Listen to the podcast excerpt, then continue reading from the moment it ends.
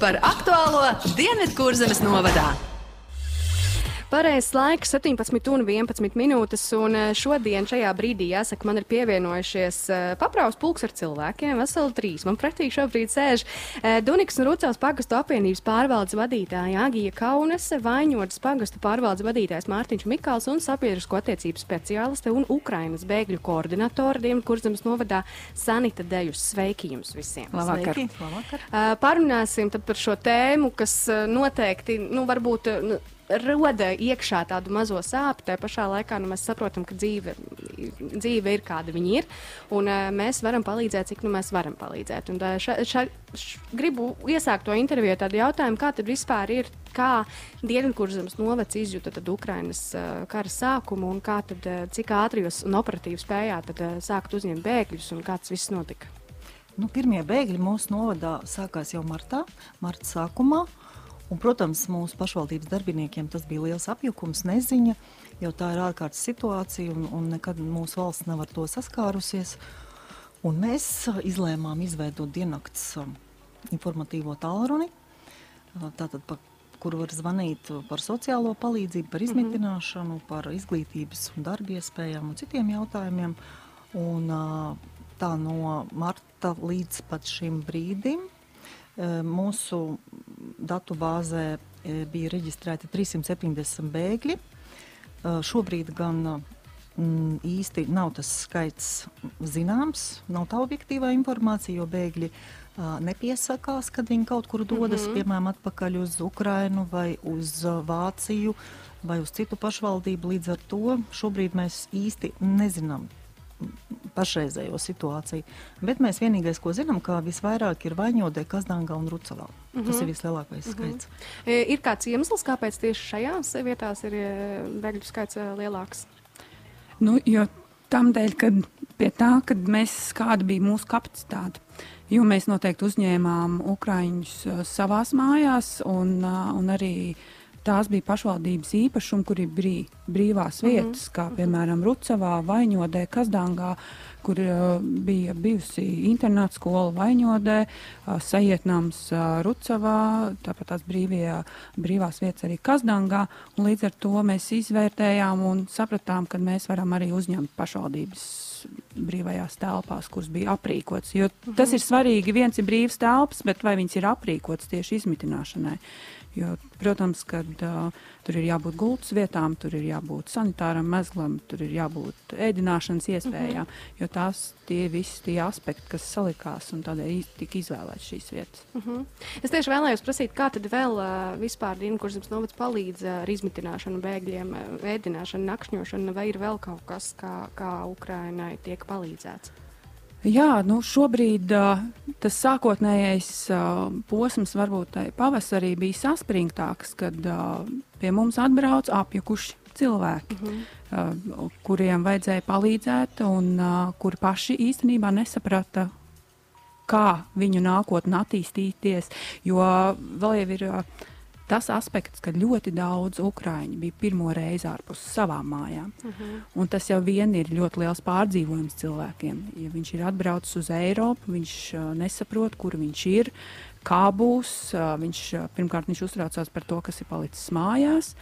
Uh, viņam arī jārūpējās arī par šodienu, ja, par šī brīža situāciju. Un, uh, tad mēs ļoti uh, centāmies nodrošināt pēc visu iespējamo, kas ir nepieciešams, tīri sadzīviskās lietas. Jā. Sākotnēji, protams, bija ēdināšana, ko mēs kā pašvaldība mm -hmm. nodrošinājām. Tad, protams, tas pats par sevi saprotams naktsmītnes, tā bija pirmā palīdzība.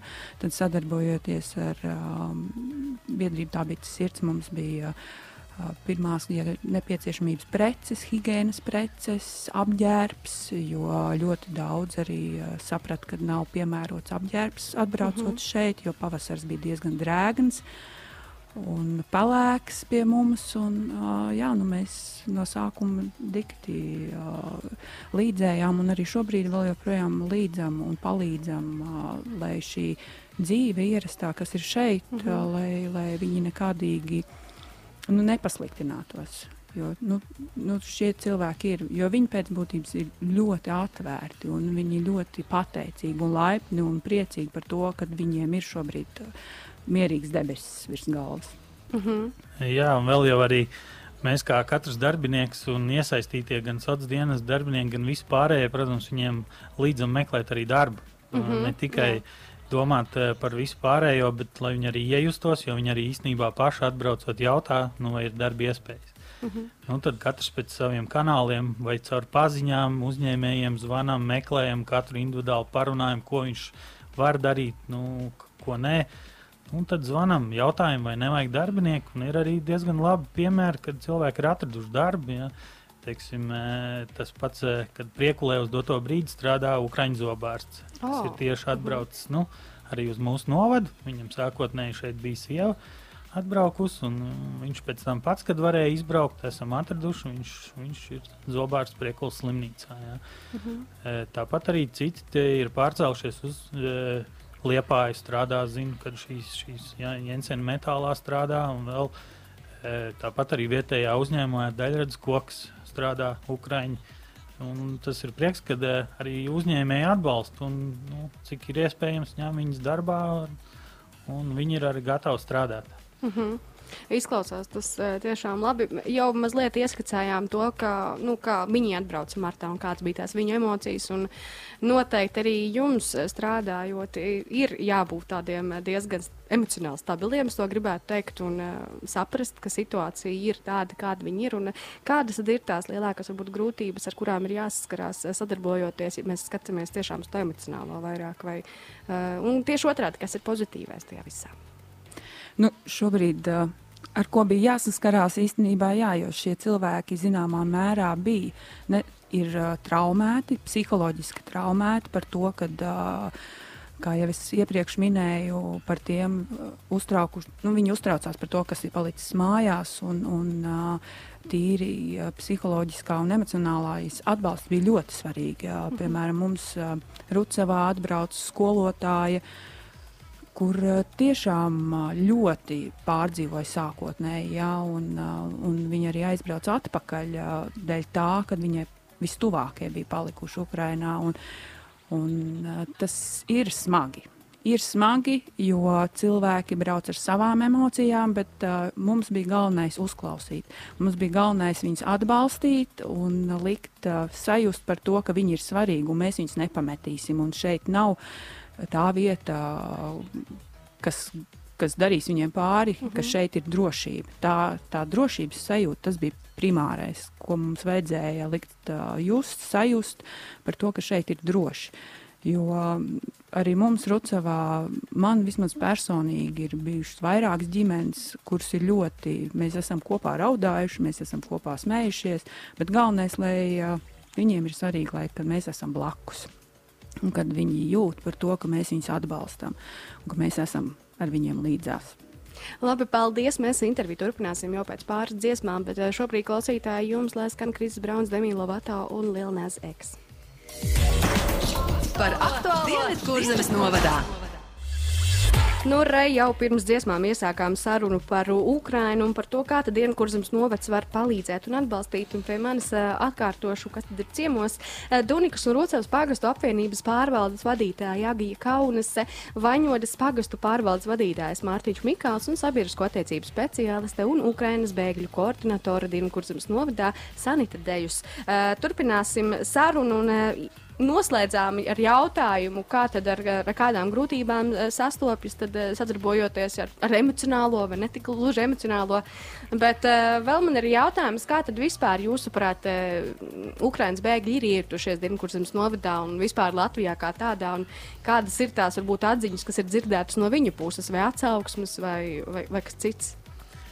Es domāju, ka viņi ir iejušies diezgan labi, jo sākotnēji gan bija nedaudz jāpalīdz. Protams, bija jāparāda, kur ir liepāja no mhm. -huh. vaņonas. Ja?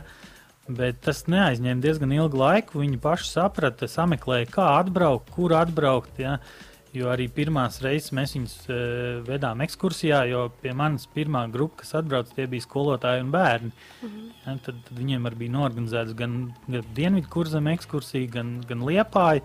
Tad jau viņi ļoti labi adaptējās pastījās autobusu saraksts. Un, Vēlāk, jau, protams, viņi bija gan mūsu galvaspilsētā, es zinu, kas brauc diezgan bieži paši uz vēstniecību vai arī apskatīt Rīgu. Tā kā viņi tā diezgan ātri iejutās. Protams, mm -hmm. ir, nu, citam varbūt tā, grūtāk, citam vieglāk, bet manā skatījumā uh, nu, nekādas lielas problēmas viņiem šeit nav, jo priekš viņa mērogiem mēs jau esam diezgan mazi īstenībā. Ja, nu, ja salīdzina izmērus valstīm, tad tā jau var teikt. Un no tādām atziņām, ko viņi saka, ka viņiem grūti pierast pie mūsu teiksim, īsajām naktīm. Jo viņiem Kā? paliek ātrāk tumšs. Viņi saka, mēs nevaram iet gulēt. Kā jūs varat iet gulēt pavasarī, pulkstenis desmitos, ja vēl ir gaišā ārā? Un ļoti agri ir arī gaiši. Viņi saka, mēs agri ceļamies. Oh. Nu, tā, tādas tās pārmaiņas, bet vispār viņiem viņi saka, ka Latvija ir ļoti skaista un smuka un ka viņiem patīk. Nu, tas priecē. Es gan uh, ārpus ēteru jau pajautāju, bet nu, man liekas, ka šis ir diezgan interesanti. Vai ir jūtama kaut kāda tā, tā teikt, nacionālā atšķirība latviešiem un ukrāņiem? Jā, protams, ir, jo ukrāņi ir ļoti sirsnīgi, ļoti atvērti. Viņi ir uh, ģimeniski, viņi, viņi ir gatavi uh, atdot, kaut viņiem pašiem ir maz, viņi ir gatavi atdot pēdējo, -hmm. un, un viņi ļoti mīl savu valsti. Jo tas ir arī tas, kas mums liek aizdomāties, jo viņi par savu valsti ļoti lepni un, un viņi vienmēr ir teikuši, ka Ukraina uzvarēs mm -hmm. šajā karā. Tad līdz ar to viņi tiešām ir ļoti, kaut viņiem ir grūti, bet tajā pašā laikā viņi nepazaudē šo pozitīvismu, atvērtumu, un, un, un viņi ir ļoti tādi ģimeniski. Tiešām -hmm. viņi ir aicina, viņi, ir, viņi ļoti vēlas, lai, lai uh, mēs iesaistāmies. Un, uh, tāpat tās, kā mums Rucavā ir ģimenes, kas, kas vēl, viņas aicina pusdienās, viņi, viņi klāja kopgaldus, viņi aicina ciemos, viņi dalās, uh, viņi, viņi dalās tas, ar ko viņiem ir, -hmm. un viņi nebaidās neko no, ne no kā. Nu, tā. Jā, man gan gribētos tā piekodināt, no latviešu arī tāda ir, bet mēs to darām klusi. Ir, ir. Jā, mēs, mēs to, to darām klusāk, varbūt, bet, nu, lūk, varam iemācīties arī uz āru rādīt tās savas uh, nacionālās sajūtas un to, cik kā tad mēs jūtamies piedrīgi mūsu valstī. O, to mēs varam iemācīties no viņiem. Jā. Uh, turpinot sarunu, man ir jautājums, kādi tad ir, uh, kādi atbalsti ir uh, gaidāmi tuvākajā laikā, kā tad vēl dienkursams novads atbalstīs, vai ir paredzēti kaut kādi notikumi vai koncerti vai kas cits, kā tad eh, tiek, eh, jā. tiek tas viss eh, darīts? Nu jā, jo mēs saprotam, ka. Uh, šie cilvēki ir, ir jau mūsu sabiedrības daļa, un uh, mēs arī gribam sniegt viņiem svētku sajūtu. Un, uh, tādēļ mēs esam aicinājuši 7. janvārī visus Dienvidkurzemē dzīvojušos uh, ukraiņus uz uh, koncertu Kazdānas kultūras namā, uh mhm. -huh. kur uh, mēs parādīsim savas kultūra vēsturisko mantojumu. Tās ir mūsu dziesmas, mūsu tautas dejas.